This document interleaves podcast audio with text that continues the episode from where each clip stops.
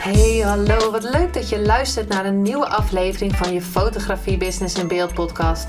De fotografie podcast waarin ik elke aflevering inspiratie en tips met je deel hoe je als fotograaf een succesvolle business opbouwt. Mijn naam is Linda Hemmers, fotograaf en mentor voor fotografen en ik neem je mee in de wereld van de fotografie en het ondernemen. En dat allemaal met de juiste mindset, zodat jij je ideale klant gaat aantrekken en die business opbouwt waar je altijd al van hebt gedroomd. Superleuk dat je weer luistert naar een aflevering van je fotografie business in beeld. Deze keer heb ik weer iemand samen met mij, dus ik hoef het niet alleen te doen. Wat ik overigens niet erg vind, maar ik vind het wel superleuk om over andere mensen te leren. En dit keer heb ik Jonathan Bouter van Freedom, Freedom Motivate. Ik moet wel even goed zeggen. Hij is mindset coach voor vrouwelijke ondernemers en nou, hij haalt de onzekerheid weg en uh, dat je in jezelf gaat. Uh, in jezelf gaat geloven en in de dromen die je, die je hebt. En um, ja, we hebben vandaag een interview of ik heb een gesprek met hem. Dus ik ga natuurlijk allerlei dingen vragen over uh, mindset en dat soort dingen. ik heb een heel lijstje. Dus uh, nou, superleuk dat je er bent, Jonathan. En super fijn dat je de tijd hebt vrijgemaakt om bij mij in de podcast te komen. Um, ja, vertel even, wie ben je en uh, ja, wat doe je? Kan je iets meer over jezelf vertellen, dat iedereen weet wie jij bent? Wat uh, heerlijk uh, leuk die intro, Linda. En bedankt dat ik de gast mocht zijn en dat ik mijn verhaal mocht doen. Sowieso ben ik daar ook dankbaar voor. En maak graag tijd vrij, niet alleen voor jou, maar ook voor de mensen die luisteren. Ja, zelfliefde en dingen waar ik over praat, vind ik dat uh, meer mensen dat mogen horen. Dus ik ben dankbaar dat ik dat via jouw uh, medium ook mag doen. Dus uh, thanks. Ja, wie ik ben? Ja, ehm, Jonathan, 35, hè, woon samen met mijn vriendin in Lelystad. Um, en mezelf op talloze manieren heb ik mezelf opnieuw uitgevonden. En uiteindelijk ben ik uitgekomen bij hetgene waar ik echt aan van ga. En dat is dus mensen helpen. En op die manier helpen, um, zoals ik mezelf ooit heb geholpen, om echt jezelf te kunnen zijn. Dat doe ik met, samen met, mijn onderneming, Freedom Motivates. En ja, die onderneming heb ik zo genoemd omdat ik achterkwam. De vrijheid wie je voelt om jezelf te zijn, te kiezen voor je dromen, motiveert je om nog meer vrijheid na te jagen. En ja, dat, dat doe ik met heel veel plezier. En ik geniet er al ja, sinds 2,5 jaar van enorm van dat ik mijn passie gewoon kan volgen. En uh, ja, dat is wat ik doe. En wat ik doe is tegelijkertijd wie ik ben. Ik heb er zo bewust voor gekozen om mijn onderneming te beginnen. Omdat ik zo'n passie voor ditgene heb. Uh, dus ja, ik, ik, ik doe mindset coaching, maar ik ben het zelf ook. Alles wat ik uh, doorgeef zijn lessen die ik zelf ook heb moeten uitvinden. En alle dingen die ik heb uitgeplozen. En ja, je, je zegt, sommige mensen zeggen, je bent niet je onderneming. Ik, mijn hele hart, ziel, bloed, zweet, tranen, alles zit erin in mijn onderneming. En ik gun mijn klanten, de mensen die ik help, zo enorm ook om zichzelf te zijn. Dus ik kan het ook niet meer loszien van elkaar. Ja, en als we, als we dan even teruggaan, want, uh, want ja, toen jij natuurlijk begon, uh, was dat natuurlijk gelijk, hè? Je was dat natuurlijk gelijk, of niet? Ja, hè? was je natuurlijk gelijk overal zichtbaar en geen stemmetje? Of, of ging het anders? Hoeveel, hoe kan je even ons meenemen hoe jouw reis tot nu toe is verlopen? Ja, mijn ondernemersreis, in eerste instantie, toen ik me inschreef om ondernemer te worden, was het puur een intuïtiedingetje. En ik, heb al een heel, ik had al een hele route zelf bewandeld om daar te komen. Ehm, ik heb ontzettend veel meegemaakt. Ik heb van allerlei beroepen gedaan. Even een greep eruit. Ik ben militair, militair geweest. Ik ben veteraan. Ik ben namelijk uitgezonden naar Afghanistan. Overstap gemaakt als gevangenisbewaarder. Daarna weer een overstap gemaakt als werk in de gehandicaptenzorg. Met uh, ja, mensen met een verstandelijke lichamelijke beperking en agressie.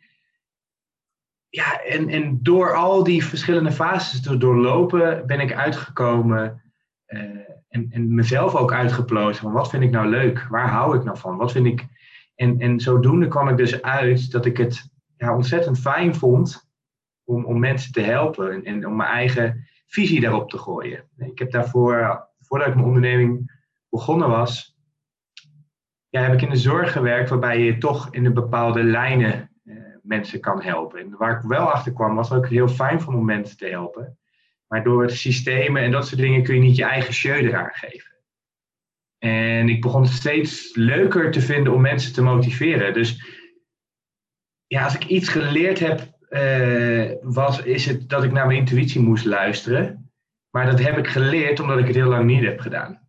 Ja. En toen ik daar eindelijk begon voor te kiezen, toen ik begon te kiezen om mijn eigen pad te bewandelen, ja, voelde ik dus die vrijheid. Wat me, en, en die vrijheid, dat zei, dat was mijn intuïtie, die zei, je moet dit blijven volgen.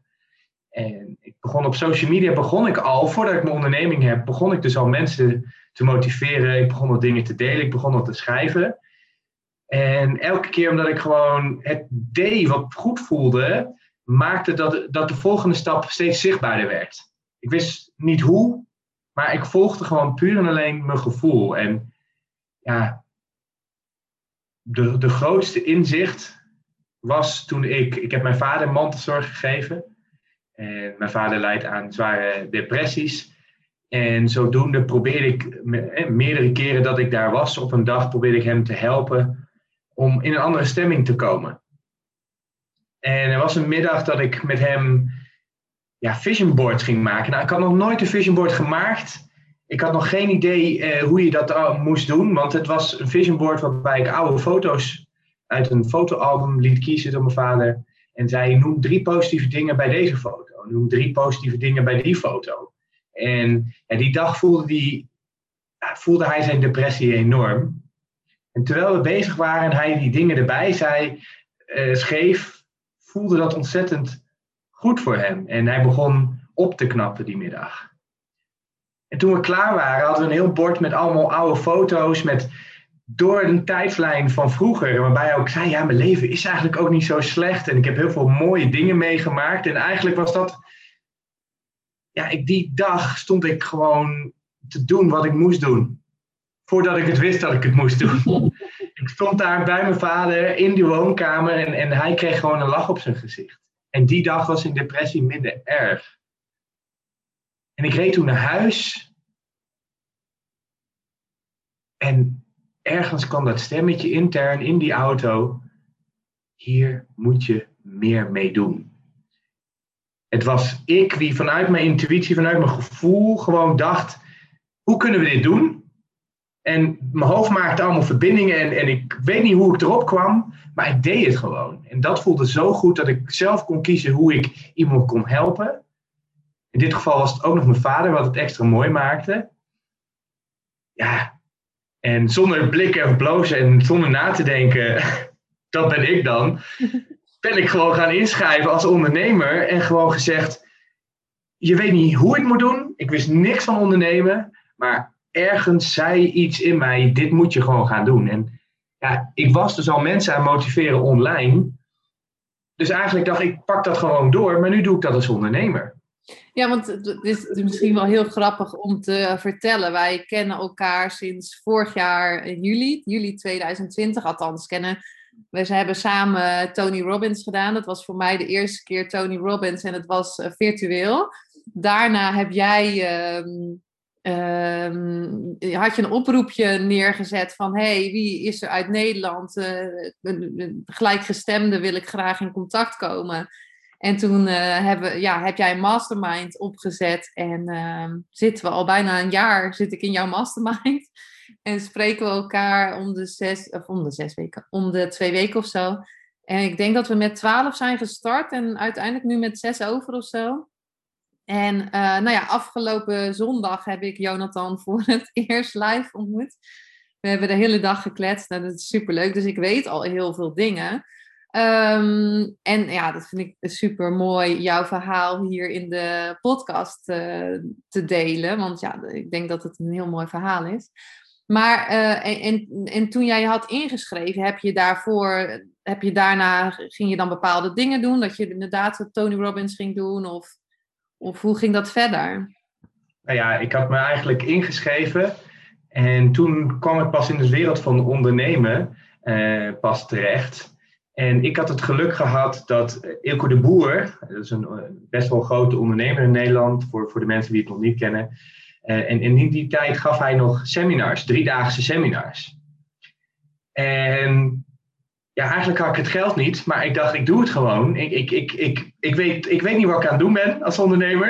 Het enige wat ik weet is dat ik deze missie heb om mensen te helpen, maar ik heb geen idee hoe ik dat moet omzetten in geld. Ik voel gewoon dat ik dit moet doen. En ja, toen ben ik naar een driedaagse seminar geweest.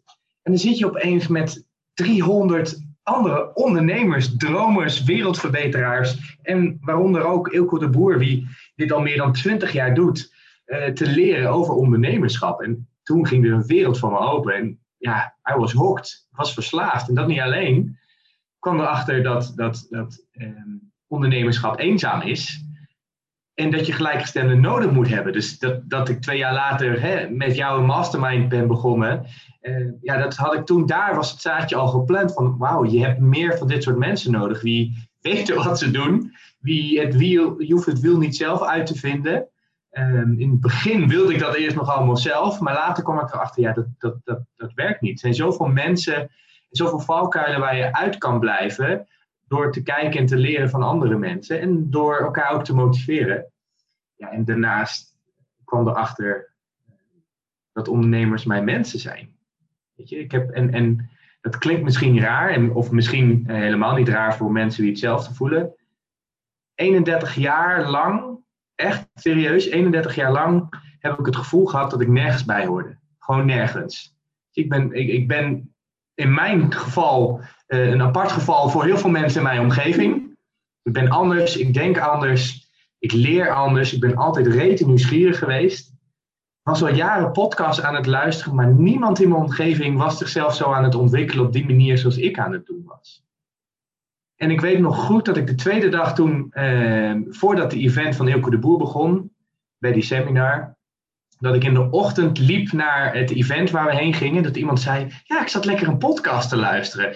En mijn ogen werden groot en keek opzij en ik denk, luister jij naar podcast? Echt serieus, deze vraag zei ik dus 2,5 jaar geleden tegen iemand, luister jij naar podcast? En tegenwoordig, ja, ik zit nu in jouw podcast, maar ik kende niemand wie überhaupt naar podcast aan het luisteren was, wie zo aan het ontwikkelen waren. Dus ik zat daar met mensen die zichzelf aan het ontwikkelen waren, wie groot droomden, wie mijn ideeën en, en dingen hoe ik de wereld wilde verbeteren en dat ik uh, mijn baan misschien wel op wilde zeggen in de toekomst. En die, die mensen kende ik niet.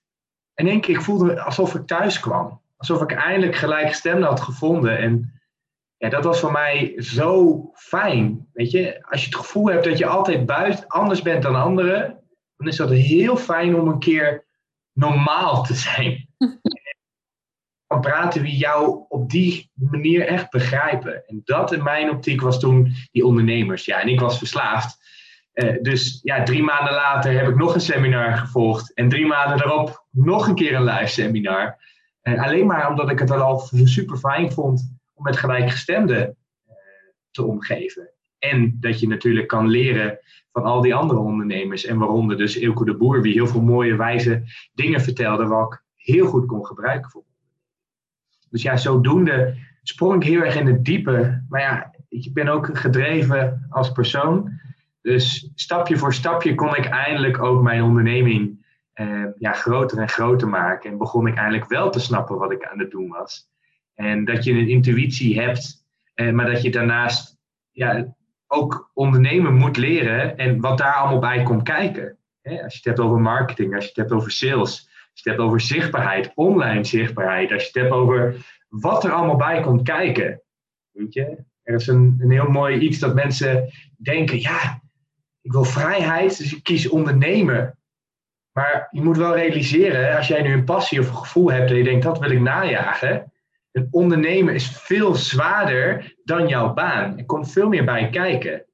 Dus het is niet voor niks dat mensen die een onderneming starten of een passie volgen, dat dat is dat ze dat volhouden vanwege alleen die passie. Want je moet gewoon verdomde hard werken. Verdomde gedreven zijn, consistent zijn en door blijven gaan. Dus als je niet die passie voelt, dan ga je al die lange uurtjes niet doen. Dan ga je niet volhouden al die jaren. Die passie en die reden waarom je dus die onderneming start, die moet heel duidelijk zijn en die moet je heel duidelijk voelen. Ja, en, en dat is voor mij vanaf dag één al heel duidelijk. Waardoor het, ja, nu 2,5 jaar later voel ik eigenlijk het vuurtje alleen maar nog groter en groter geworden. Ehm, dus ik ga hier nooit meer mee stoppen. Maar ja, weet ook, voor, voor ondernemerschap is gewoon gladiatorenstrijd. En, en je moet het echt willen. En gladiatorenstrijd met de buitenwereld of met jezelf? Beide. Weet je, de mensen, weet je, als je anders doet dan wat de mensen in jouw omgeving doen, dan ga je vanuit de buitenwereld kritiek krijgen. Weet je, heel veel mensen die starten, net zoals ik, zijn weinig mensen in een omgeving die ook zo doen. Als jij een eh, onderneming, oh, dan heb je ook een bedrijfje, wat leuk. Maar niemand in je omgeving, die allemaal in loondienst werken, die snappen die, die, die stap niet. Helemaal niet als je zegt, ik zeg mijn baan op voor dit. Eh, mensen zijn zo gewend om aan het eind van de maand één keer in de maand betaald te krijgen. En op, dat, in die mal te leven, ja, de grootste deel van de Nederlanders leven in die mal. Dus als jij daarvoor kiest, kies je dus ook voor dat de buitenwereld jou misschien niet zou begrijpen. Dus dat is één gedeelte. En een andere gedeelte is, ja, ondernemerschap moet je heel wat verantwoordelijkheid nemen. Verantwoordelijkheid over je eigen gedachten, over uitstelgedrag, verantwoordelijkheid nemen dat je dingen moet doen waar je niet altijd zin in hebt, maar dat het ook moet gebeuren. Dus daarin is het ook een interne strijd met jezelf. Ehm, hoe zorg je ervoor dat ik blijf doen wat ik leuk vind, maar dat ik ook dingen gedaan krijg? Want om dingen te doen die je leuk vindt, moet je af en toe ook dingen doen die je niet leuk vindt. En zeker in ondernemerschap geldt dat. Hoe ga je daarmee om? Geef je die schop onder je kont en hoe groei je dan daarheen? Maar voor iedereen is dit anders. Dus het is een interne strijd, maar ook de strijd met de buitenwereld op sommige momenten, als je daarvoor kiest. Maar ja, voor mij was het een makkelijke keuze. Ja, en, en, even terug naar Eelco de Boer, want ik, toen, toen ik je postte ehm, van, uh, van het weekend dat jij bij mij was geweest, wat superleuk was, toen zei iemand tegen mij, hé, maar hij deed toch iets met sport? En, uh, maar ik heb hem wel volgens mij gezien bij Eelco de Boer. Dus vertel even wat je, wat je tijdens dat seminar, um, ja, wat je toen toch gedaan hebt. Ik weet niet wat je bedoelt. Nou, dat je toen uh, de microfoon uh, pakte en dat was toch bij Eelco de Boer? Ja, klopt. Nee, ja, kijk, ehm, het grappige was, ik sport zelf al jaren fanatiek. Het is een hele enorme uitlaatklep voor mij. En voordat ik uh, dus mensen ging motiveren online, deed ik dat tegelijkertijd met een fitnessaccount. uh, omdat ik dus heel graag mensen wilde motiveren en heel veel van sporten hield, dacht ik, ik ga dat gewoon delen. Ik vind het mooi. Maar wat ik merkte is dat dat iets is wat niet gelukkig van werk. Ik dacht dat ik begon mensen een beetje na te doen en dat is niet iets wat ik fijn vond. Dus uiteindelijk ben ik overgestapt, dat hele fitnessgebeuren heb ik losgelaten en ik ben alleen maar mensen gaan motiveren. Maar dit was allemaal nog voordat ik eh, ondernemer eh, werd. Dus toen ik daar bij Eelco de Boer stond, ja, was ik letterlijk net eh, overgestapt en dacht ik, ik wil vooral mensen motiveren. Sporten en bewegen, dat soort dingen vind ik nog steeds belangrijk. Het is iets wat ik nog steeds deel, maar niet op die manier zoals ik ooit begonnen ben. Ik denk wel dat het is een combinatie van alles. Als wij als mens ons goed willen voelen, dan helpt het om ja, ook goed in je lijf te voelen. Dus dat betekent gezond eten. Goed dat je, dat je niet ongezonde dingen blijft drinken. Dat je blijft sporten. En dat je je lekker in je vel voelt. Een gezonde geest en een gezond lichaam, het werkt beide. Een gezond lichaam betekent vaak ook een gezonde geest. En die combinatie, ik denk dat het enorm meehelpt als je tegenslagen te verduren hebt in je leven. Of als je tegenslagen te verduren hebt met je onderneming. Want die ga je absoluut krijgen. En hoe lekkerder je dan in je vel zit. En helemaal als je blijft sporten, die discipline hebt. En ik heb het geluk dat ik in het leger heel wat discipline heb meegekregen. Wat ik toe kan passen op het moment dat ik ga sporten en ga voor mijn gezondheid kies. Ik denk dat dat absoluut meehelpt als mens. Je voelt jezelf verzekerder, lekkerder in je vel, je hebt meer energie. En al die dingen helpen mee als je dus iets wil opbouwen. En de onderneming is iets opbouwen. Je begint met één baksteen, maar uiteindelijk wil je die hele muur hebben staan. En daar heb je de energie, de gezondheid voor nodig om dat met de juiste energie door te zetten. En natuurlijk, ik ben ook niet altijd 100% energiek, Maar het helpt wel mee. Het helpt absoluut mee. Dus de boodschap, ja. Maar met dat account wat je dan had, dat soort fitness-account, waardoor iemand jou nog herkend had, zeg maar, was je ook al mensen aan het motiveren uh, om, om voor een gezonde levensstijl, denk ik, toch? Of dat was al eigenlijk het motiveren, zat er eigenlijk al in. Ja, het zat er altijd al in. En, en dat is, was hetgene dat ik er al mee begonnen was. Kijk, en voor de mensen die misschien luisteren, die denken: ja, maar waarom wil je dat dan delen? En wat, weet je, om helemaal terug te gaan naar waarom ik dit nu doe en waarom ik er zo voor sta, is het eigenlijk vooral omdat ik jarenlang niet heb gekozen om mezelf te zijn. Weet je, ik ben van ver gekomen. Ik was iemand die zichzelf aan de kant schoof. Ik was iemand, hè, ik, ik, ik heb vroeger een label ADHD gekregen.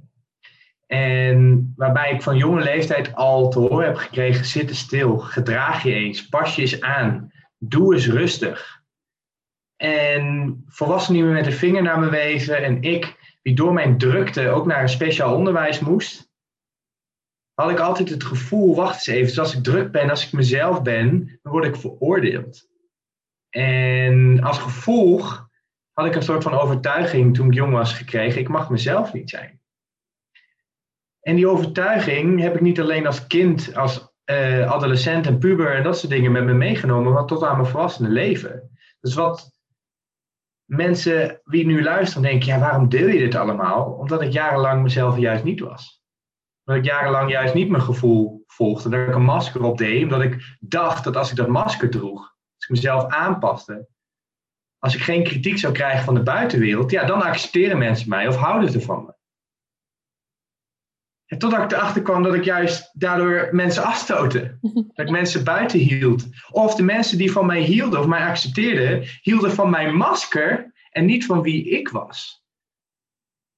En toen ik heel, heel, heel, heel ongelukkig en eenzaam was, niet van mezelf hield, iedereen afstoten, dacht ik, dit is niet, dit is niet de weg. Dit is niet, niet waar ik gelukkig van word. En vanuit die donkere, donkere, donkere kamer, die donkere put, of hoe je het ook kan noemen. Voor... Toen begon ik mezelf omhoog te krabbelen. Toen begon ik erachter te komen van dat masker, jongens, dat, dat, daar heb ik niks van. Daar heb ik niks aan. Daar word ik niet gelukkig van. Dat masker waarvan je denkt dat je geen kritiek gaat krijgen door de buitenwereld, daar word jij zelf niet gelukkig van. Want dat betekent dat jij je aanpast, dat je constant bezig bent met de buitenwereld. En dat je constant maar in je hoofd zit, hoe moet ik me gedragen? Wat moet ik zeggen? Ben ik wel genoeg? Vinden mensen mij wel leuk? En, en wat doe je dan? Je bent niet jezelf. Die, die, die prachtige energie als mens komt dan niet naar buiten, wie jij echt bent. En je geeft andere mensen niet de kans om jou te zien, want je bent onzichtbaar. Je, ja, als je jezelf bent kun je gekwetst worden, maar in mijn optiek, en dat weet ik nu uit jarenlange ervaring, heb ik liever dat mensen niet van me houden voor wie ik echt ben, maar dat ik tegelijkertijd wel mensen heb die wel echt voor mij kiezen voor wie ik echt ben. Dat is veel mooiere liefde. En, maar om daar te komen moest ik eerst mezelf accepteren. mezelf heel hard aankijken en zeggen: het masker heb je niet nodig, je bent genoeg, Jonathan. Je mag er zijn en je mag van jezelf houden de, de buitenwereld is een reflectie van je binnenwereld. En pas toen ik mijn binnenwereld aanging, pas toen ik ontzettend van mezelf ging houden, begon mijn buitenwereld te veranderen. Het had niks met die buitenwereld te maken. Hetgene waar jij ongelukkig, onhappy voor bent, en, en of het nou privé of zakelijk is, pas je binnenwereld aan en grote kans dat de buitenwereld dan mee gaat, gaat veranderen. Als jij negatieve mensen in je omgeving hebt en je bent niet gelukkig, je hebt een klote baas en enzovoort en al die dingen die allemaal echt zijn, pas je binnenwereld aan en ga kijken of die buitenwereld nog hetzelfde is. 9 van de 10 keer is dat echt niet zo. En natuurlijk gebeuren er echte dingen. Natuurlijk zijn er vreselijke mensen die ook in je omgeving zitten en soms zelfs de mensen waarvan je houdt. Geloof me. Ik heb een vader die al 20 jaar zwaar depressief is. Dat zuigt een lading energie. Maar ook daarin kun je met jouw binnenwereld zorgen dat je jezelf beschermt voor die buitenwereld. En daar kom ik dus achter. Je? En, en toen mijn binnenwereld steeds mooier begon te worden, toen ik voor mezelf begon te houden, ja, toen was het ook van jongens, ik accepteer mezelf, maar die buitenwereld moet me ook maar accepteren. En, en die, stap had ik, die stap had ik al jaren voordat ik mijn onderneming was begonnen, al gemaakt.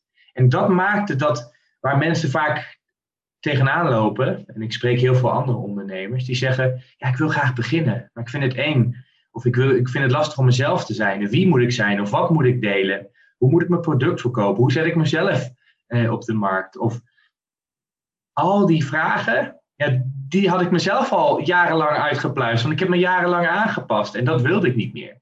Dus heel natuurlijk ben ik dus naar die fitnessaccount gegaan. Ik denk, dit voel ik fijn. Ik wil mezelf delen. Ik wil mezelf zijn.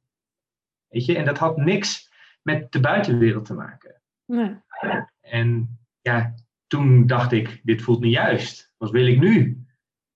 Ja, ik wil echt mensen motiveren. Nou, weg met die fitnessaccount. Ik ga gewoon mensen motiveren door wat ik te vertellen heb. Door vanuit die motivatie. Toen kwam dat stukje met mijn vader. En toen dacht ik, ik moet hier, ik mag nog meer mensen helpen. Ik ga mijn onderneming starten. En heel natuurlijk koos ik gewoon voor mezelf. Omdat ik dat jaren niet heb gedaan. Mooi. Ja, super mooi.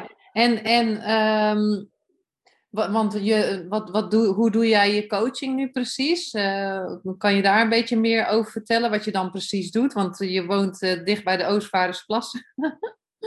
Toch? Ja, klopt. Die plassen. Ja. ja. dus misschien kan je daar iets meer over vertellen. Wat, wat ga je dan precies doen? Nou ja, ik heb verschillende dingen waarbij ik nu mensen help. Hè. Online programma's, ik geef live trainingen en, en trajecten. En wat ik, wat ik belangrijk vind, en dat is hoe ik bij, bij coaching het ook zie. Heel veel mensen leven met één been in het verleden. Met wat ze mee hebben gemaakt. Dit is mijn verhaal, dit is mijn trauma, dit is, dit, ik ben vroeger gepest, of dit is wat mijn ouders van me verwachten, of wat dan ook. Of, en, en, en waardoor mensen het geluk van nu vergeten. Of dat ze een slachtoffer zijn. Of dat ze constant die energie of die pijn in alles wat ze meenemen van vroeger. Dat verhaal, dat zeg ik nee, zet been uit het verleden en naar het hier en nu. Of mensen zitten met een been in de toekomst. De stress van morgen, het leven wat ze nog niet hebben, de droom wat ze nog niet hebben. Of stel dat je net ondernemer bent, dan zit je alleen maar in de toekomst met dat been van, oh, ik ben er nog niet, ik ben er nog niet, ik ben er nog niet. En wat ik zeg, zet, zet die been in het hier en nu. Zet die been uit het verleden het hier en nu. Die been uit de toekomst terug naar het hier en nu. En, en wie ben jij nu?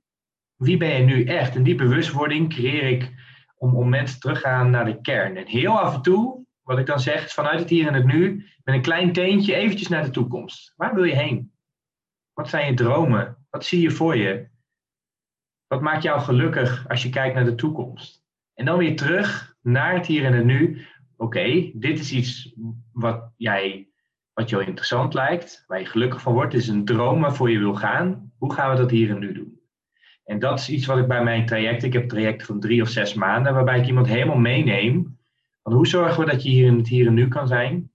En hoe kunnen we daarna ervoor zorgen dat hetgene wat je echt wilt, dat je daar vol met zelfvertrouwen voor mag gaan. En het mooie was, toen ik mijn onderneming net begonnen was, ben ik samen met mijn vriendin op reis gegaan in Azië.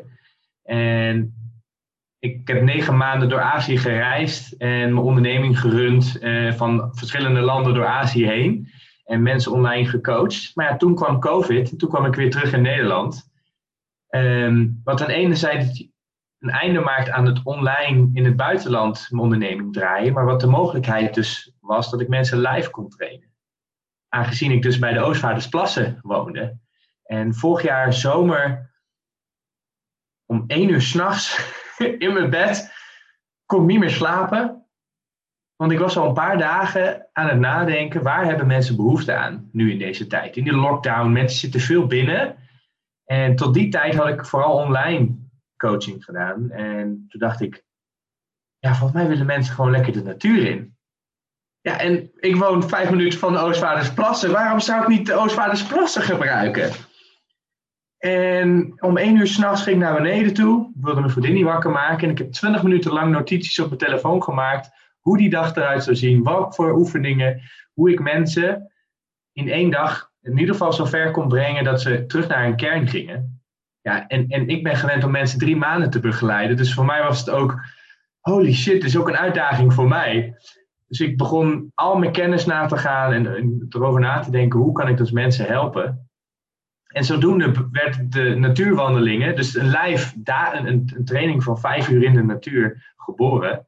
Uh, en dat doe ik ook sinds vorig jaar. En het mooie is, de meeste klanten die ik heb, komen allemaal binnen om eerst die training te doen. En dat vind ik wel echt te gek. Uh, om mensen in één dag met full immersion, gewoon vijf uur lang in de natuur, aandacht met zichzelf, uh, tot diep in de kern te komen. Ja, daar geniet ik enorm van. Dus ik ben heel dankbaar uiteindelijk.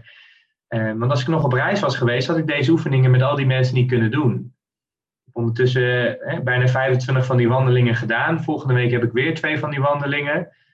En ik vind het gewoon ook prachtig om, om, om mensen te mogen begeleiden live. En ja, sindsdien doe ik dus ook die live training erbij. Ja, en ik denk dat de, ook de natuur ook heel veel helpt om daar meer inzichten te krijgen. Ja, of rust of iets meer in jezelf. Ja, absoluut. De natuur zorgt ervoor dat je ja, dit heeft een helend effect op ons. En vooral een combinatie dus met het wandelen en, en, het, en, en in de mooie natuur waar ik dus die training geef, zorgt ervoor dat je het een beetje los kan laten.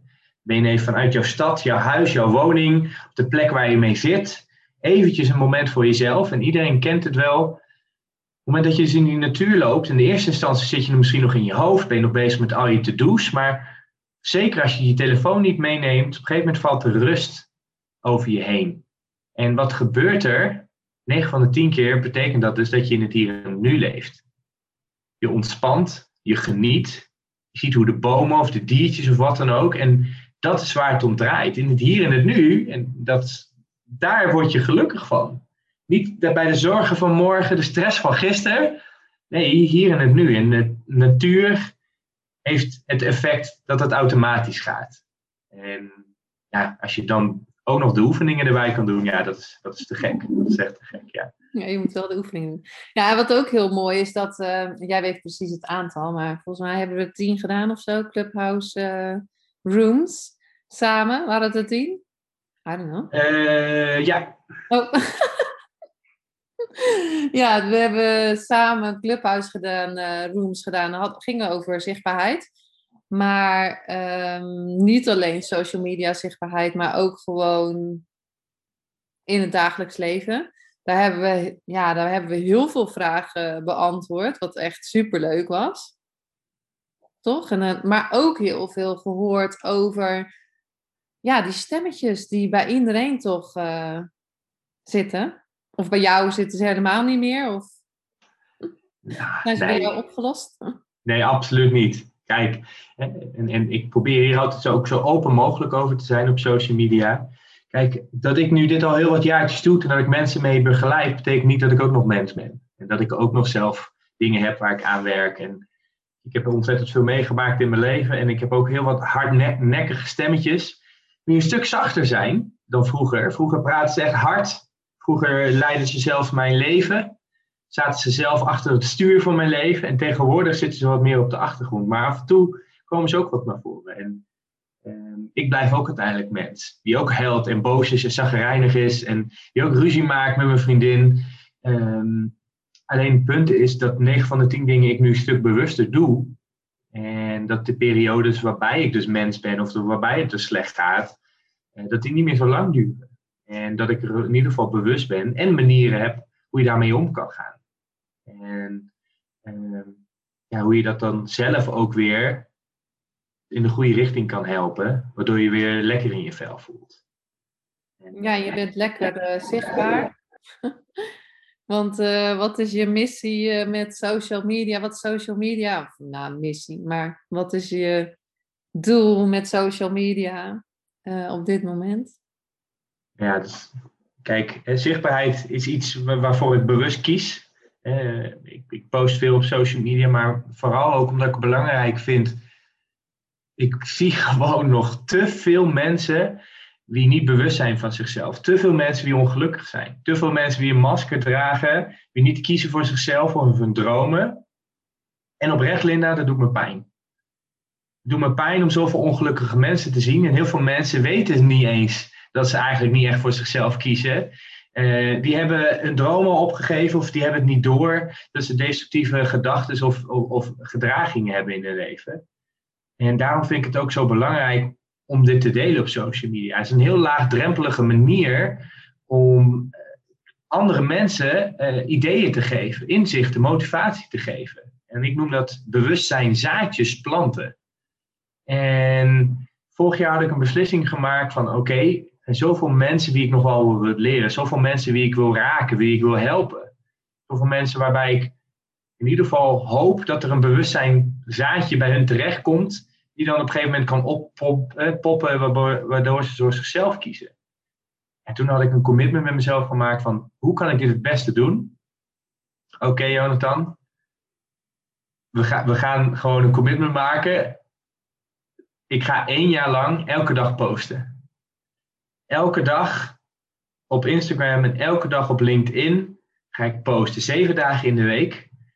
Want als mensen zeven dagen elke dag een bericht zien, elke dag mijn verhalen, mijn kwetsbaarheid, mijn inzichten, mijn bewustzijnzaadjes horen, is de kans groter dat ze, dat ze zelf kunnen veranderen. Of dat ze gemotiveerd worden. Of dat ze een motivatie krijgen en inzien, hé, hey, dit kan ik ook. Of dat ze een inzicht krijgen waardoor hun leven totaal anders kan worden.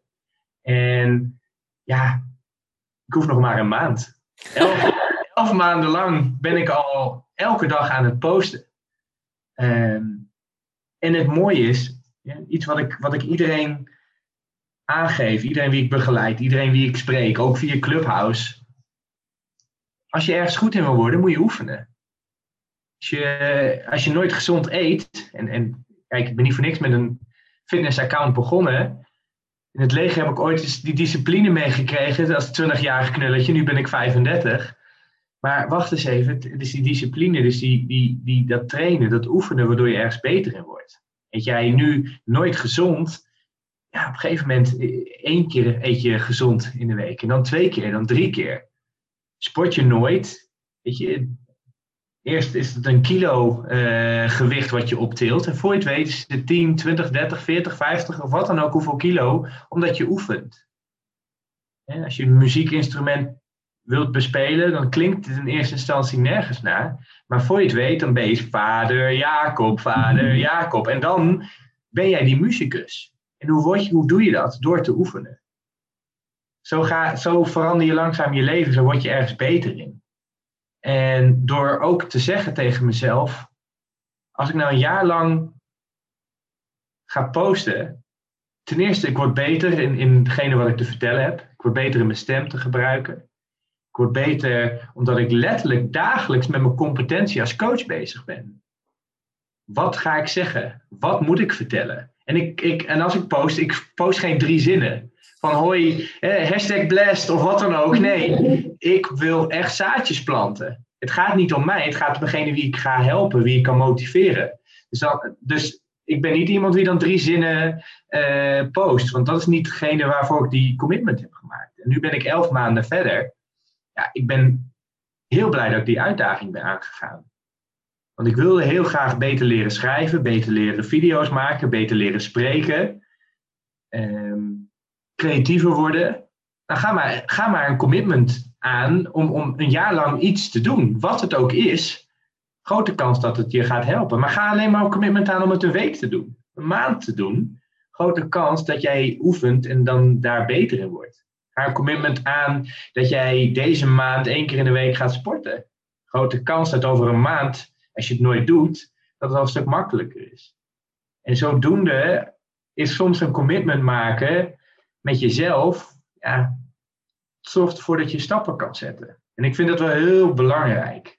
Er is namelijk, het is heel mooi als je naar je gevoel kan luisteren en denken, ja, waar heb ik zin in? Wat voelt fijn? En, en, en het is heel belangrijk om te leren je gevoel te kennen en te herkennen. Wat heb je nodig? Ga ik mezelf niet voorbij? Maar aan de andere zijde heb je ook een stemmetje wie soms zegt: Ik heb hier geen zin in, daar je helemaal niet naar moet luisteren. En daarvoor zijn die commitments ook wel belangrijk. Want af en toe moet je ook gewoon dingen doen waar je in eerste instantie geen zin in hebt, maar wat uiteindelijk beter voor jou is. Tuurlijk heb ik altijd zin om zeven dagen in de week pizza te eten. Maar het is niet, dat is niet. En er zijn heel veel dagen dat ik geen zin heb om te sporten. Maar wat doe je als je het wel doet? Hetzelfde geldt voor je ondernemerschap. Je, tuurlijk is het makkelijk om die dag eh, lekker te gaan lezen of jezelf te ontwikkelen. Maar welke shit moet echt gebeuren? Soms moet je dat doen, want daar voel je je beter door. Daarvoor ga je die onderneming groeien. En daarvoor zijn die commitments met jezelf ehm, zo belangrijk. En op een seminar van Ilke de Boer zei hij ook iets heel moois. En dat is iets waar ik, wat ik zelf ook leef. Het is makkelijker om een 100% commitment te maken dan een 99% commitment. Want een 99% commitment is er nog ruimte voor twijfel. Als jij tegen jezelf zegt, wend of keert, één dag in de week eet ik gezond. Wend of keert, wat er ook gebeurt, hoe ik me ook voel, één dag in de week ga ik posten. Eén dag in de week, wat hetgene ook is wat je in je leven wil veranderen. Eén dag in de week ga ik mediteren. Ga ik voor mezelf kiezen om te gaan hardlopen. Eén dag in de week ben ik moeder, kies ik om oppas te regelen, waardoor ik even tijd voor mezelf heb, naar spa te gaan of in bad te liggen of wat dan ook. Die commitment, waarbij wat er ook gebeurt, dat je die aangaat, is ontzettend belangrijk. Want als het een 100% commitment is, dan hoef je ook meer geen discussie te maken. Voor mij was het ook een jaar lang ga ik posten. Het is een commitment. Ga ik het wel vandaag doen? Nee, ik ga het gewoon doen. En hetzelfde, op die manier sport ik al jaren, eet ik al jaren gezond, omdat het gewoon een beslissing is. Wat ik zeg, dit is nu deel van mijn leven. En hoe ik me ook ga voelen, uiteindelijk weet ik dat het goed voor me is en daarom ga ik het doen. Want hoe vaak doen wij dingen als we dan een gevoel hebben van ja, dit moeten we doen. En dan lig je aan het eind van je bed, aan het eind van de dag in je bed en zeg je shit, heb ik niet gedaan. Je wilt het wel, je intuïtie zegt het, alles zegt het en ja, dat doe ik morgen wel. En dan is morgen daar, doe je het ook niet. En uiteindelijk is morgen nooit. Maar wat nou als je een commitment kan maken om je leven te veranderen, je onderneming te veranderen, je gezondheid te veranderen, je relatie te veranderen of wat dan ook? Wat nou als je het koppelt aan een commitment? Van ik weet dat dit belangrijk voor mij is. En ik weet dat als ik aan het eind van de dag naar bed ga of mezelf in de spiegel kijk, dat ik heel anders naar mezelf kan kijken. Want het voelt zoveel lekkerder als je wel in je bed ligt en zegt: Ik heb wel mijn commitment gehouden. Want dat gevoel neem je mee de volgende dag. Hetzelfde als je dat gevoel, als je dat niet hebt gedaan, dat neem je ook mee de volgende dag. En op die manier kun je een positief of een negatieve momentum creëren in je leven. Want als je elke dag een klein beetje iets doet waar je niet zo zin in hebt, maar waar je intuïtie zegt, zou ik eigenlijk moeten doen. Als je dat steeds vaker doet, dan is er een wereld van verschil als jij opstaat en de energie die je dagelijks met je meedraagt. Want er is niks zo moois dan jezelf in de spiegel te kunnen kijken en zeggen: Fucking hell, ik ben trots op je. Je hebt gewoon gedaan wat je wilde. Want op die manier creëer je zo'n fucking mooi leven voor jezelf. Want meestal is datgene wat je wilt doen, is je intuïtie of je onderbuikgevoel of wat dan ook, wat zegt: dit is goed voor jou. En heel veel mensen die, die, drukken dat gevoel een beetje weg. Zelf heb ik dit jarenlang weggedrukt, dat gevoel. Ik ben diep ongelukkig geweest. Daar zat ik daar met een masker, eenzaam. Echt, echt diep eenzaam. Ongelukkig ben ik geweest. Waarom? Omdat ik dat gevoel maar aan de kant drukte. Mijn intuïtie die zei, luister nou, luister nou. Ik zeg, nee, ik ga mijn Netflixen, ik ga scrollen, ik hou die muur om mijn hart heen, zodat niemand kan binnenkomen. Want dat voelt nu fijner. Maar uiteindelijk bracht het me meer ongeluk. Uiteindelijk luister ik dus niet naar die intuïtie. Maar als je dat wel kan doen, als je wel luistert naar je intuïtie, als je wel naar dat gevoel luistert waardoor je echt gelukkig wordt, ja, dat is het begin van iets heel moois. Ik koppel daar een commitment aan, dan, dan, dan verandert je leven oprecht heel snel als je jezelf eh, elke dag aan kan kijken in de spiegel. Ja, maar en, ik, wat we wel uh, merkten in, uh, wat misschien denkt iemand nu ook die luistert en denkt, oh, elke dag posten, oh, oh, wat, maar wat moet ik dan gaan doen? Uh, als je nou zegt, iemand die dus nooit, of bijna nooit op social media is, of dan hebben we het even over zo'n zichtbaarheid, wat zou jij dan willen meegeven uh, om, om te doen? Dus, dus inderdaad zeggen van, wat, wat, wat, hè, wat, wat, wat is haalbaar of iets, of wat, wat zeg jij dan? In ieder geval niet elke dag. ja, maar weet je wat het punt is? Um, voordat ik die commitment heb gedaan, was ik al, was ik al 2,5 jaar aan het posten. Had ik al 2,5 jaar een gewoonte gecreëerd om te posten, om, om, om daarmee bezig te zijn. Er is een valkuil van ons eh, als mens, en af en toe doe ik het ook nog steeds, dat we kijken naar andere mensen.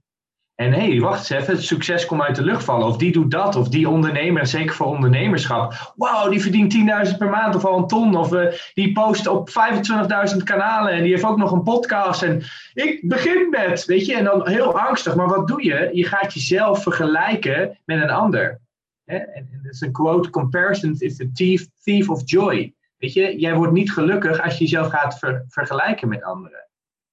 Je moet in die, die context, laat die ander helemaal los. En ga puur en alleen kijken, waar, wat doe je nu? En dat is weer allemaal terugbrengen naar gewoonte. Als ik nu elke dag ga posten voor een jaar, dan zou ik daar wel een reden voor hebben. Maar ook, ik doe dit al 2,5 jaar. Ik kom niet uit de lucht vallen. Ik had al meerdere gewoontes gecreëerd. Dus dat je je dan weer gaat vergelijken met wat jij nu doet en denkt dat is, dat is veel, omdat je dus weer met mij bezig bent en niet bent aan het kijken wat jij doet. Je moet niet naar mensen kijken wie zeven dagen in de week in een sportschool zitten, wie een afgetraind lichaam hebben, als jij nog nooit een voet in een sportschool hebt gezet. Mensen die heel gezond zijn en, en, en gezond eten en water drinken en, en dat jij dat niet doet, je moet niet naar hun vergelijken. Dat heeft nul zin. Je moet heel realistisch kijken naar waar jij nu zit met jouw leven. Wat jij nu doet. En als dat betekent met social media, wat doe je nu? Als je nu niks doet, dan moet je, kan, je, kan, kun je gaan zeggen: Ja, ik ga ook zeven dagen in de week posten. Maar als je dat nooit getraind hebt, als je dat nooit geoefend hebt, heb je nooit die gewoonte.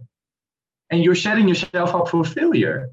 Want er is niks zo destructief dan iets willen doen en daarna dus niet doen. Dus aan het eind van de dag weer in het bed liggen en zeggen: Oh shit, oh, het is me niet gelukt. Waarom?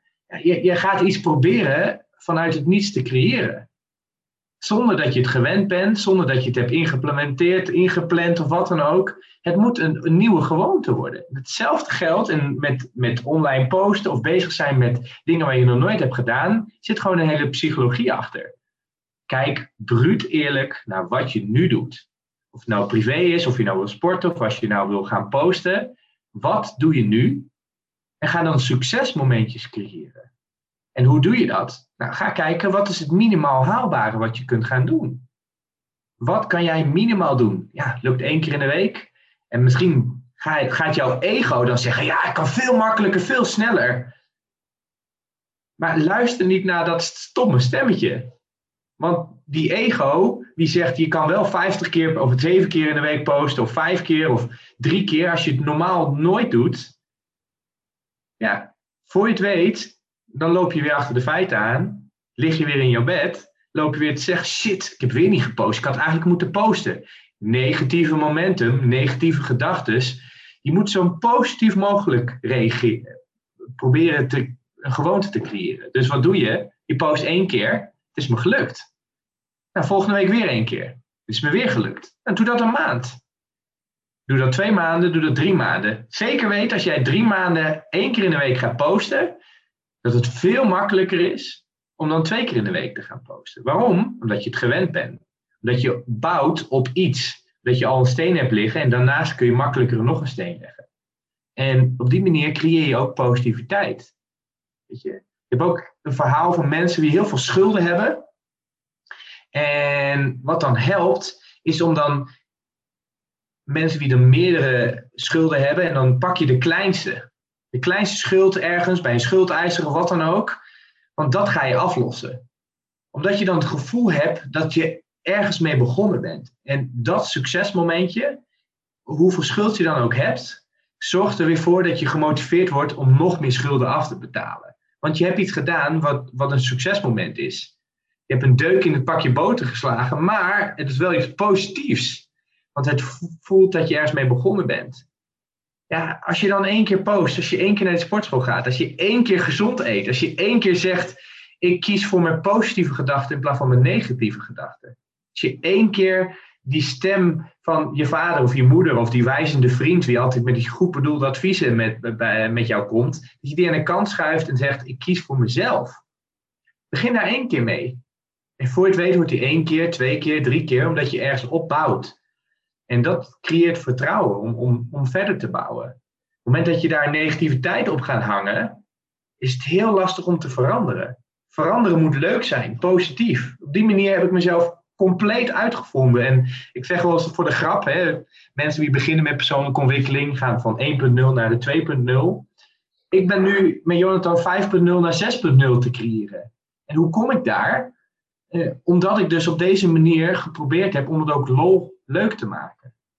Om positiviteit eromheen te hangen. En in te zien dat stapje voor stapje kom je soms veel verder dan denken: ik ga zeven maal laarzen aandoen en ik ga in één keer de top van de berg bereiken. Nee, soms helpt het om eerst bij Basecamp 1 en dan 2, dan 3, dan 4 en dan kun je even uitrusten, dan kun je genieten. Op die manier ben je, voelt het ook een stuk fijner. Ja, wat, ik, wat ik van Tony Robbins heel mooi vond, van, van het uh, uh, online event waar we dan waren, is dat hij zei van, uh, ja, je begint bij nul ergens, dan ga je een stukje omhoog, hè, je gaat leren, je komt op een plateau, en als je je natuurlijk al vergelijkt met iemand die helemaal hoog boven je zit, maar je zit op een bepaald plateau, maar je hebt al iets gedaan. En als je dan terugkijkt, dan zit je niet meer op nul je zit alweer op een bepaald plateau. Vandaar ga je weer hoog. En, ga je, en zo kom je steeds een stukje verder. En wij kijken natuurlijk naar die top. In plaats dat we kijken naar waar we vandaan komen. Wat we allemaal al hebben gedaan in korte of lange tijd. Maakt niet uit. Dus uh, ja, in, in, in de clubhuis kwam wel vaker naar boven van... hey, eh, ik ben best wel overwhelmed, wat moet ik nou doen? En ik geef het in deze podcast ook vaak aan dat ik elke dag post. Maar ja, zeker niet ook na oefening. Want het is allemaal oefening. En ik doe het anders dan, dan, dan hoe jij het doet. Kijk, ik, ik, uh, ik, ik bewonder dan altijd jouw hele lappe tekst. Dan denk ik, oh my god, kijk. Hij heeft zo'n mooi verhaal erbij. Maar ik kan dan wel naar achteren gaan zitten en denken. Ja, maar ik heb, ik heb niet hele verhalen. Maar ik, weet dat dat uiteindelijk komt. En dat dat met bijvoorbeeld mijn beeld gewoon uh, verhalend is. En dat de ene doet het zo en de ander doet het zo. Nou, en ik ben wel echt wel uh, uh, benieuwd, um, wat, wat, wat inspireert jou? Of, of ja, wie inspireert jou? Nou ja, sowieso meerdere mensen. Weet je, ik, ik, ik haal mijn inspiratie uit verschillende dingen. Dus boeken, mensen die verder dan mij zijn, mensen die dromers. Ik, hou, ik word ook gewoon gereed geïnspireerd die mensen die helemaal opgaan in hun passie. Of het nou een schilder is, een danser, een spreker, of, of, of wat dan ook, als iemand doet waar hij helemaal aan van gaat. Voor mijn part is het iemand die smurfen verzamelt en vol trots over een vitrinekast met smurfen praat. En dat vol met passie doet. Daar, daar geniet ik echt van. Want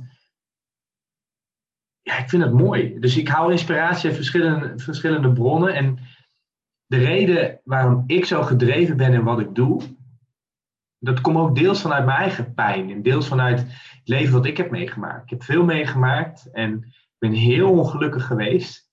En vanuit die pijn komt er eigenlijk ook rechtstreeks een lijntje naar mijn brandstof, naar mijn vuur. Ik gun niemand zo ongelukkig te zijn. Ik gun niemand die pijn die ik heb gevoeld. En heel veel shit kun je gewoon voorkomen. Heel veel pijn, leed, heel veel ongeluk. En, en, en, je hoeft het zelf het wiel niet meer uit te vinden. En ik zeg ook, leer van mij lessen, alsjeblieft. Want het is zonde om zelf in die valkuilen te trappen. En heel soms heb je dat nodig om te veranderen, maar het is niet altijd nodig. Je hebt niet altijd pijn nodig om te veranderen. De meeste mensen die ik spreek over persoonlijke ontwikkeling, die, hebben, die zijn naar iets zwaars, een scheiding, een, een gedoe of een ontslag of door een ziekte of iets ergs wat ze hebben meegemaakt. Burn-out, dat is iets wat je tegenwoordig ook veel te vaak hoort dat ze mensen tegen de lamp aanlopen, dat ze dan pas denken, dit moet ook anders. Maar jongens, je hoeft geen pijn te lijden om te veranderen. Je hoeft geen pijn te lijden uh, of ongeluk mee te maken om uiteindelijk te realiseren dat het ook anders kan.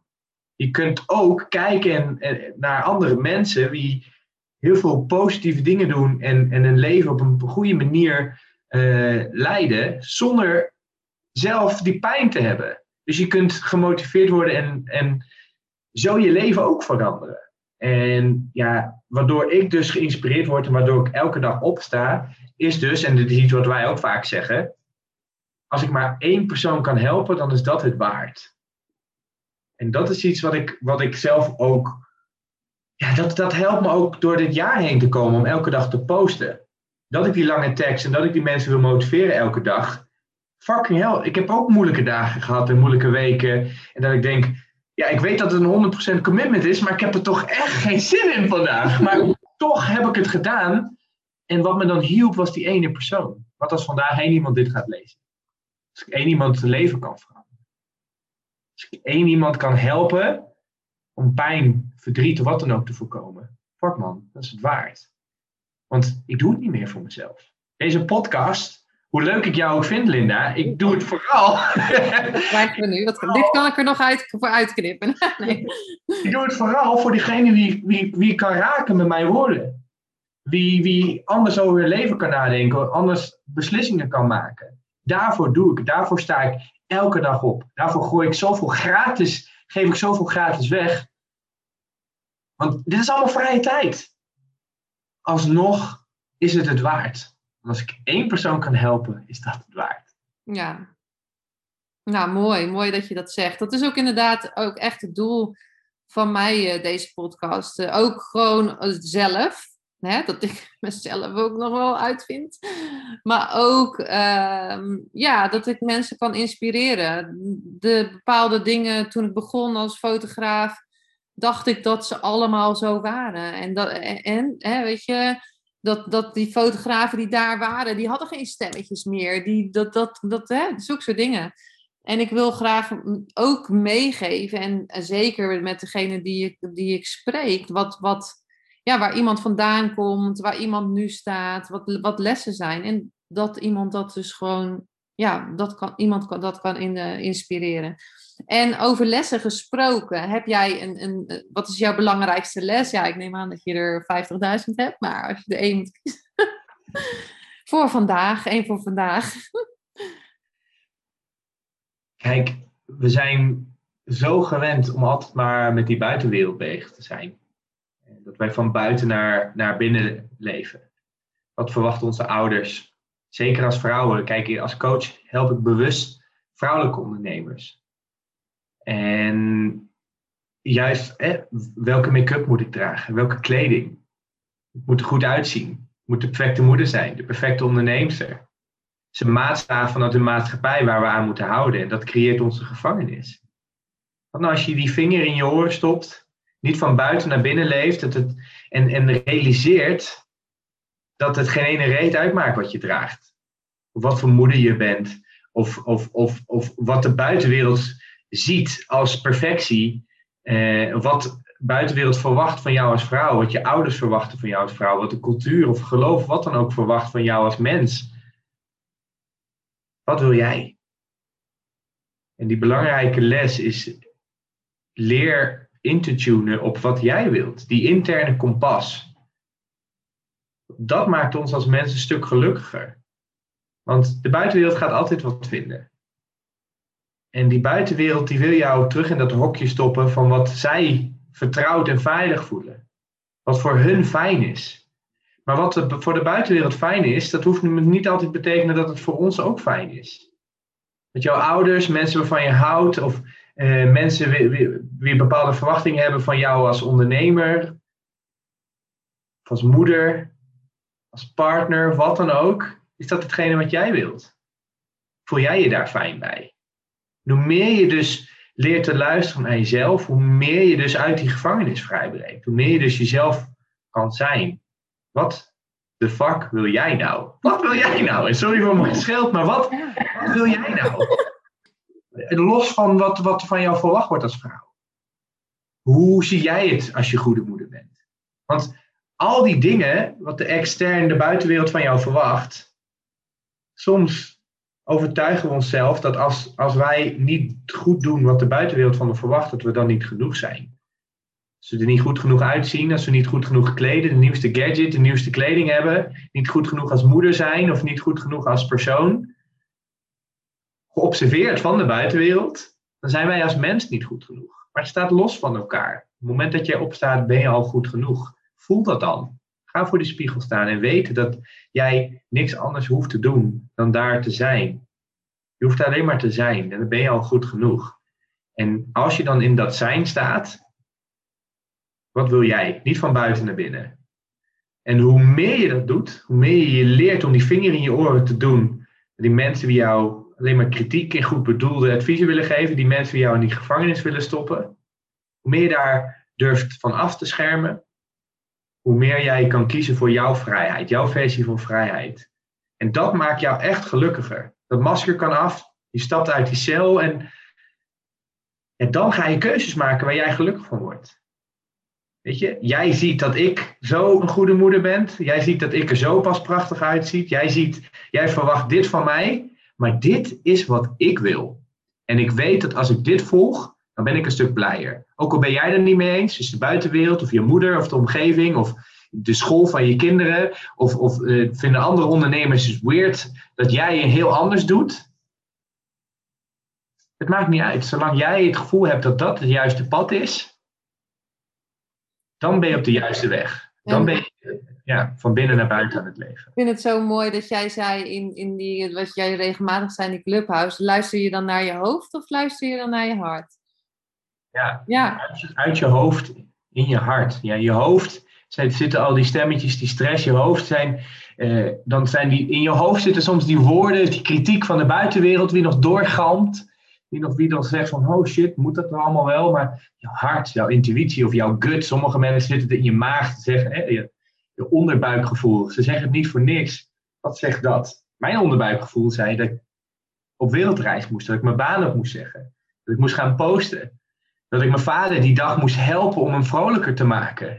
En, en daar ben ik naar gaan luisteren. Mijn onderbuikgevoel zei dat ik, dat ik moest, een onderneming moest beginnen. Mijn onderbuikgevoel zei dat ik moest gaan posten om mensen te helpen.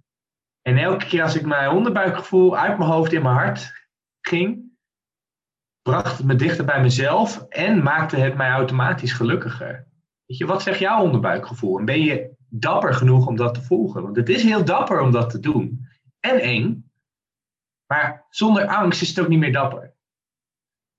Dus die stappen jij kan maken, ja, ik snap dat het eng kan zijn, maar het brengt je wel vast en zeker dichter bij jouw geluk. Weet je, die intuïtie volgen brengt jou vast en zeker dichter bij jouw geluk. Want jouw intuïtie spreekt niet voor niks.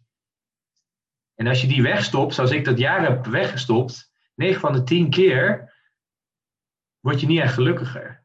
En soms krijg je zelfs nog een pijnlijke les eroverheen. Dan gaat je intuïtie harder schreeuwen. Kies nou wat anders, want dit maakt je niet gelukkig. Kies een andere partner. Kies een andere baan. Kies een andere, kies, doe iets anders met je gezondheid. En helaas moeten mensen pas naar rock bottom komen, zoals met verslaafden soms gebeurt. Dat is het meest ergste, vreselijke. En als je denkt, nou, dit is erger dan dit kan het niet. Nou, nog erger en nog erger. En dan zit je daar in rock bottom. Eh, zit je daar helemaal kapot. En dan schreeuwt je intuïtie nog harder. Doe nou anders. 9 van de 10 keer gaan mensen dan pas luisteren. Intuïtie is daar niet voor niks. Dat hart van jou, wie, wie zegt, kies hiervoor waar je heel vrolijk van wordt. En als je daar naar durft te luisteren en daar stappen mee durft te ondernemen, weet ik zeker dat jij echt een stuk gelukkiger wordt. En nogmaals, als jij gelukkiger bent, nog gelukkiger voelt en stappen daarin onderneemt, heeft dat invloed op alles wat je doet. Alles. Hoe je in het leven staat, hoe je naar buiten gaat, hoe je gewoon naar de supermarkt gaat. Je bent een stuk vrolijker. Hoe jij tegen jezelf in de spiegel kijkt. Het heeft invloed op mensen in jouw omgeving. Heeft invloed op je kinderen, heeft invloed op, op jouw klanten. Als jij kiest voor jezelf, als jij kiest voor dingen waar jij gelukkig van wordt, ja, dan, dan, dan straal je anders. En als je heel zwevig wil zijn, dan heb je een andere aura om je heen. Je straalt. Dat zeggen mensen ook, hè? Je straalt. Maar, weet je, en, en, en, en dat je daarmee soms andere mensen kunt confronteren. Want mensen zeggen ook wel eens, ja, je bent altijd vrolijk en altijd een glimlach. Maar het is gewoon mijn energie. En het is gewoon omdat ik bewust kies waar ik gelukkig van word. En als andere mensen dan, dat ik andere mensen confronteer, dat zij niet zo uh, door het leven heen kunnen gaan zoals ik, ja, dat is hun probleem. Maar zelf weet ik dat ik daar gelukkiger van word. Maar het heeft invloed op alles. En als we nu kijken, want we zijn nu bij Jonathan 5.0. Wat, uh, wat gaat Jonathan... Kijk, ik weet natuurlijk uh, wat inside information allemaal, hè? maar wat gaat Jonathan 6.0? Wat kunnen we daarvan van verwachten? Want ik ben wel benieuwd. Ja, sowieso nog, nog, nog veel meer impact, maar ook veel meer rust. Ik ben heel erg nu in een fase waarbij ik probeer nog meer los te laten, te vertrouwen, minder probeer te forceren. Wat uitermate, uit, uitermate ingewikkeld is. Gaat tegen mijn natuur in, maar anders kom ik ook niet bij Jonathan 6.0 als het niet lastig is. Want elke, elke level heeft een nieuw devil, zoals ik wel eens zeg. En dat is ook als je bezig bent met persoonlijke ontwikkeling. En, en daarvoor moet je soms tegen je natuur in. Maar ik weet dat het goed is. En ja, 6.0 heeft meer rust. En ja, meer vertrouwen. En ik weet zeker, daarmee kan ik automatisch ook meer impact maken. Want ja, gebeuren gewoon heel veel mooie dingen. Ik heb twee weken geleden stond ik op een podium in het Delamar Theater. Uh, ik doe uh, mee aan een fantastische uh, ja, tour. Het is een soort van Hollands Can Talent show. Dat heet de Social Impact Tour. En ja, iedereen wie daar optreedt, of het nou danser is, cabaretier of de storytelling, waaronder ik, hebben een goed doel uitgekozen. En ja, volgens mij doen er bij de show 50 goede doelen mee. twee, twee, weken geleden uh, stond ik daar op het podium en ik zette me in voor KWF kankerbestrijding. Alle kaartjes die verkocht werden, 30% gingen naar het goede doel. En ja, daarom heet het ook de Social Impact Tour. Maar het is zo gaaf om niet alleen daar te staan voor jezelf, maar ook nog eens daar te staan voor een goed doel. Ja, dan, dan voelde ik alsof ik nog dubbel impact maak. En dat was de eerste show in het Delamar Theater. En ze zijn nu bezig om het AFAS Circus Theater uh, af te boeken in september. En misschien staan daar duizend man dan in de zaal. Ik hoop dat ik 6.0 al bereikt heb uh, in september. Want holy shit, voor duizend man staan is ook wel een behoorlijke uh, out of your comfort zone idee ik ben wel gewend om voor iets kleinere zalen mensen te spreken, maar duizend man, poeh. Maar... En, en, en, en ja, daar komt er maar, maar daar komt er maar. Nee, helemaal niet. Er komt geen maar. Het, ik doe even die maar weg. Nee, maar hoe voelde je dan om, om, om ja, sowieso voor 300 man, het was online, maar je moest, uh, je had een, een verhaal voorbereid en maar je moest uh, tegen een camera praten, want je hebt geen live mensen gezien. Maar hoe voelde dat voor jou? Want ik weet wat jou, jouw grotere missie is. Misschien uh, wil je daar nog meer over vertellen. Waar wil jij eigenlijk naartoe? Jonathan uh, 10.0 of zo. Maar misschien is het wel 6.0, dat kan ook, hè? Ja, nou ja, kijk, uh, vanwege de coronamaatregelingen mochten we. Eh, was Delamar Theater is een heel prachtig theater in Amsterdam. En vanwege de maatregelingen mochten we nog geen publiek hebben. Dus het was livestream, inderdaad, twee camera's. En voor mij waren er zeven camera's, werden op mij gericht toen ik de talk hield. En ja, sowieso is het heel mooi om mijn boodschap te, te vertellen aan een nog groter publiek. En om ja, op zo'n theater te staan. Dat is toch anders. En ook al moest ik van tevoren drie keer naar de wc. Toen was ik naar de wc, moest ik nog een keer naar de wc. Omdat ik dacht, oh shit, het is toch nog wel even wat anders. Um, toen ik eenmaal daar stond, dacht ik, ja, hier is waar ik moet zijn. En daarom dat ik ook gewoon ontzettend zin heb om misschien straks voor duizend man live dan te staan. Omdat ik gewoon weet, hier is waar ik moet zijn. En ik had het net over die berg beklimmen. Uh, bovenaan mijn berg, mijn ultieme doel is als spreker de Ziggo Dome uitverkopen. Weet je, een hele zaal vol, samen met vrienden, met gelijkgestemden, een fantastische show weggeven waarbij ik één of drie dagen lang mensen kan helpen en inspireren. Een heel stadion vol, ja, te gek, weet je. En hoe, ziet, hoe, ziet zo'n show er dan uit? Want ik bedoel, je gaat niet, uh, geen Justin Bieber uh, gebeuren, maar hoe, hoe, ziet dat eruit? De Ziggo Dome, hallo. Uitverkopen. Ja, maar persoonlijke ontwikkeling moet leuk zijn. Dus het moet een feestje zijn. Weet je? Ik hou zelf bijvoorbeeld van hip-hop en RB ik zie daar dat we, dat we een hele show met alles erop en eraan. Dat we lopen te swingen met, met oldschool uh, hip-hop. En dat iedereen gewoon lekker loopt te jammen. En dat ook al kies je voor jezelf, het mag leuk zijn. Je mag lol hebben, je mag dansen, springen, je mag ehm, tussen het diepste van jezelf aan te kijken, ook volledig loslaten en genieten. Want op die manier maakt het een stuk leuker. Zoals ik zei, het moment dat je het somber hebt en dat veranderingen is soms ook kiezen voor het lastige. Als je dat leuk maakt, echt een feestje maakt en hoe dat ook gaat doen, dansen, springen, weet ik veel wat dan ook, eh, met muziek, zonder muziek, maar ook inspirerende sprekers, verhalen, waaronder dus verhalen van mij. Ja, op die manier maak je gewoon een hele mooie dag ervan. En uh, ja, dat is iets wat ik, wat ik echt wel voor me zie in de toekomst. Maar maar. Wat ik, wat ik, en daarom die Maro, kijk, wat ik dus mijn klanten leer, wat ik zelf ook toepas, is wat ik zei, je moet in het hier en nu leven. Dus dan mijn teentje, waarmee ik dus in die, die droom zit van ik ga die Ziggo uitverkopen, dat weet ik dat ik daar kom, maar nu laat ik het los. Hm.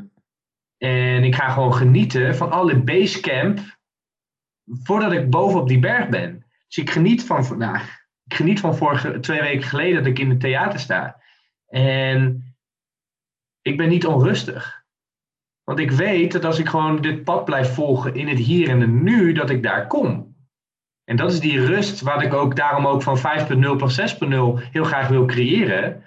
Dat je kunt iets willen en daarna het ook loslaten. Tony Robbins zegt ook heel mooi, de hoe moet je loslaten. Je moet gewoon voelen dat het wel goed komt als jij gewoon stappen blijft nemen in het hier en het nu. Want hier en het nu is alles wat we hebben. Hier en het nu is hoe jij je leven kan veranderen. De stress dat je daar nog niet bent, dat zorgt ervoor dat je onrustig wordt in het hier en nu. De dingen dat je in je hoofd gaat zitten wat je gisteren niet hebt gedaan, zorgt ervoor dat je weer niet in het hier en nu bent. Je bent streng voor jezelf of je hebt stress in de toekomst. Wat nou als je gewoon het los kan laten in rust? En gewoon vanuit die rust kan zeggen, en, en ik noem dat innerlijk weten, gewoon in jezelf een innerlijk weten voelen. Dat wat je doet, dat het juist is. En dat je weet dat het goed komt. En dat innerlijk weten cultiveren. Olie op het vuur.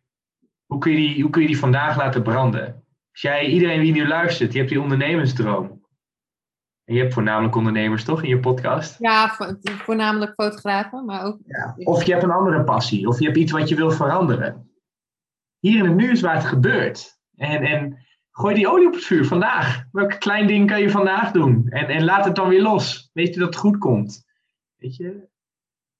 Ik vind een quote van Tony, en, en we hebben toevallig heel veel over Tony nu. Ik, ik heb heel veel andere inspirators, maar ik vind deze quote heel mooi. People overestimate, nee, underestimate what they can do in a year. Nee, people overestimate what they can do in a year and underestimate what they can do in a decade or two or three. Dus mensen overschatten wat ze kunnen doen in een jaar, maar onderschatten wat ze kunnen doen in 10, 20 of 30 jaar. Weet je, dat jij die droom of passie hebt, of dat je je leven wil veranderen, of je gezondheid of wat dan ook. Mensen hebben haast. Mensen willen het vandaag, de life hack, zo snel mogelijk veranderen. Mensen willen die acht weken dieet. Mensen willen, ik ben nu ongelukkig, ik heb nu de burn-out en morgen wil ik weer rust ervaren. Of ik heb nu een trauma, of wat hetgene ook is wat je wil veranderen. Mensen hebben geen geduld meer. Mensen willen zo snel mogelijk van A naar B komen. Maar 9 van de 10 keer zorgt dat ervoor dat het niet blijvend is. Als jij je leven wil omgooien, dan moet je zorgen dat het deel van jou wordt. Dat het een levensstijl wordt. Dus dat jij nu positief in het leven wil staan, hoe creëer je dat als, als levensstijl? Als jij gezond wil eten of wil gaan sporten, hoe creëer je dat dat dat deel van je leven wordt? Dit, nu, coachen, is deel van mijn leven spreken wordt deel van mijn leven. En dat zorgt ervoor dat ik zorg er gewoon voor dat het groter en meer van mijn levensstijl gaat worden. Ik ga erin oefenen. Je, hè, het is ook een uitspraak. It's better to prepare in a time of peace than in a time of war. Weet je, wat is de droom wat je wil? Ga daar vandaag op oefenen. Waar wil je beter in worden? Wat zie je voor je? En hoe kun je dat vandaag een klein beetje oefenen? Wat, wat je, jij doet, Linda, je wilt je stem vinden. Mhm. Wat een perfecte manier is dat om een podcast te beginnen. Want je moet gewoon, je wordt geforceerd om je stem te vinden. Op die manier ben je dus aan het oefenen met de uitkomst wat jij wil doen in het hier en het nu. En zo voor iedereen. En ja, met Berg is uiteindelijk daar staan. en, en die stadion uitverkopen. Maar hoe moet jouw, jouw plateau is natuurlijk eerst die 300. Nou ja, je plateau begon al eerder met één persoon. En toen was het plateau die 300. Nou wordt jouw plateau 1000. En zo ga je plateautje verder. Maar ik ben wel uh, even voor iedereen die, of als iemand nu luistert en die denkt van, oh my god, ik wil gewoon weten waar dat is. Laten we even, hè, laat even weten, waar, waar kunnen ze jou vinden? Waar, waar kunnen ze in ieder geval uh, kijken voor, voor die show? Want ik zie jou daar natuurlijk al staan in september. ja, Net als Ziggo want dan zit ik natuurlijk gewoon nou ja, waarschijnlijk zit ik op het podium of zo. Nou ja, goed, dat, dat, dat, dat plant ik nu alvast even. maar ehm, ja, waar kunnen ze het vinden? Oh, waar jij gaat spreken? Nou ja, sowieso, eh, mocht je het leuk vinden, kijk, naast dat je mij hoort spreken, kun je natuurlijk ook goede doelen ondersteunen. Ik vind het zelf ook altijd heel fijn, want het voelt altijd fijn als je iets kan doen voor, voor iemand anders. En zeker als je goede doelen kan steunen, heb je toch het gevoel, ah, ik heb even wat gegeven, en dat voelt altijd fijn. Dus dat vind ik zo mooi aan de Social Impact Tour, dat, dat naast dat je dus een hele leuke show krijgt, en of het nou livestream is of dus straks in het theater, ehm, ja, ondersteun je dus ook goede doelen.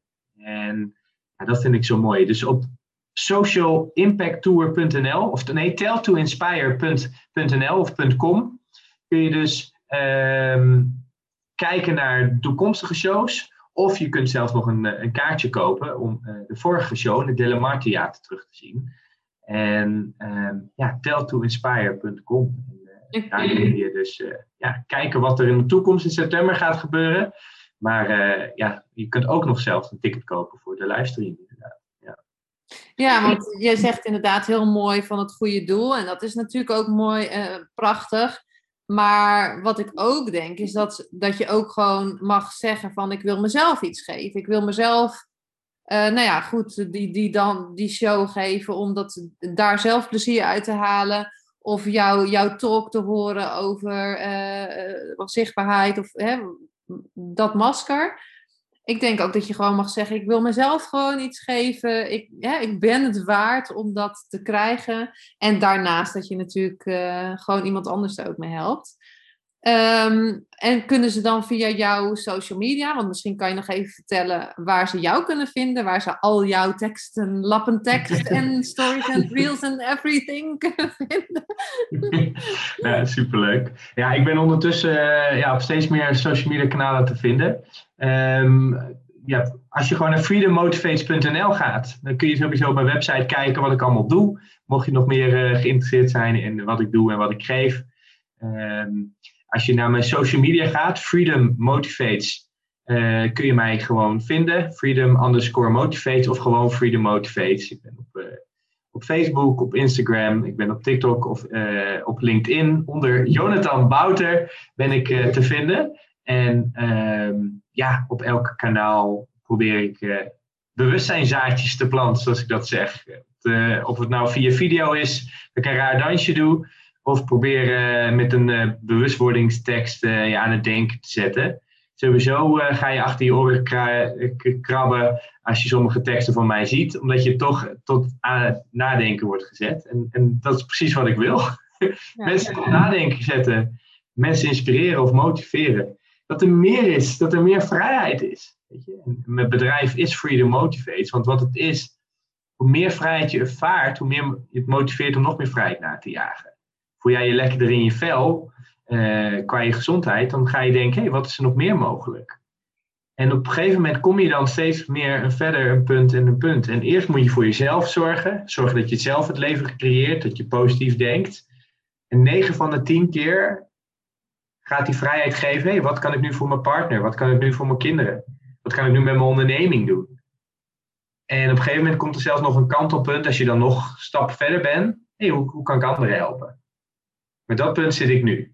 Weet je, eerst je eigen dingen regelen, goed voor jezelf zorgen. Op die manier kun je mensen beter helpen. Op een gegeven moment komt er een punt dat je denkt: oké, maar geluk is meer dan alleen ik. Het is meer dan alleen mijn wereld. Hoe kan ik die wereld vergroten en mijn impact vergroten?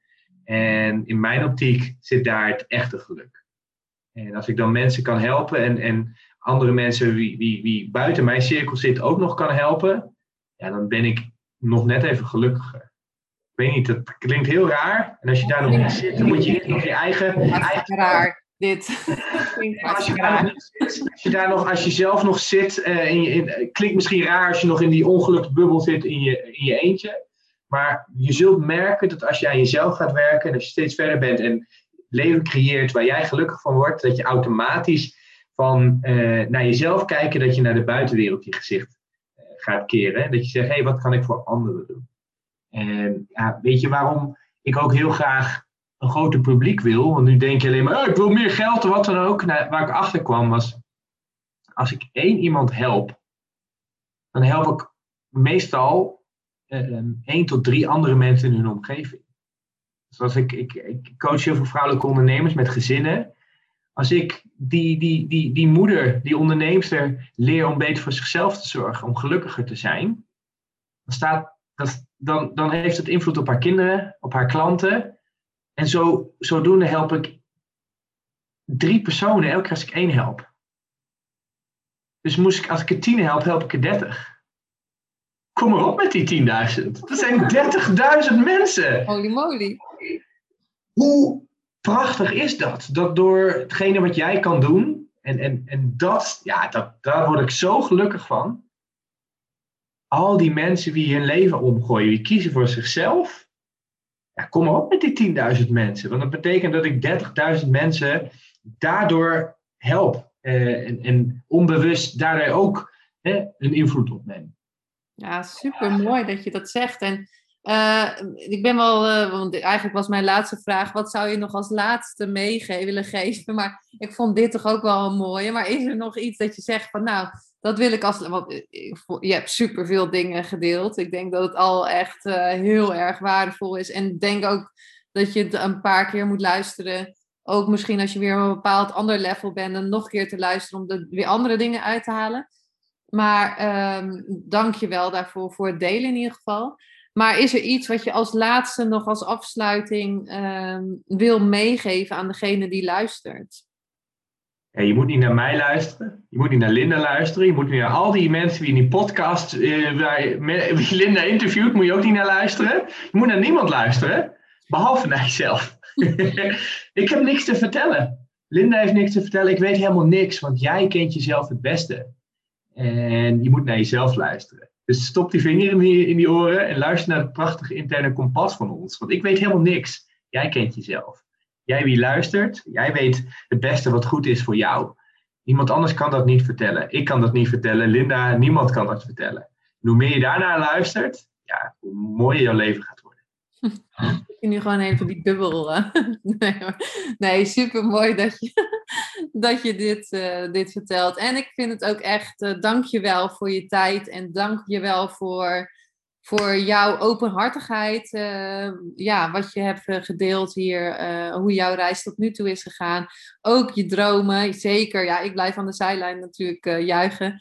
En ik zie het al helemaal voor me. Dus um, voor degene die luistert, dank je wel dat je hebt geluisterd. Ga Jonathan zeker volgen, want um, ja, dan ga naar Freedom Motivate of Jonathan Bouter op LinkedIn. En ga hem daar zeker volgen in de reis die, die nu mee, waar hij nu mee bezig is. En dan zie je straks Jonathan 6.0. ja, ga zeker kijken voor, um, voor zo'n kaartje, voor zijn, talk, want ik denk dat dat echt heel waardevol is. En uh, je steunt er ook nog iemand anders mee. Voor nu, dankjewel voor het luisteren. Heel fijn weer dat je erbij was. En tot de volgende keer.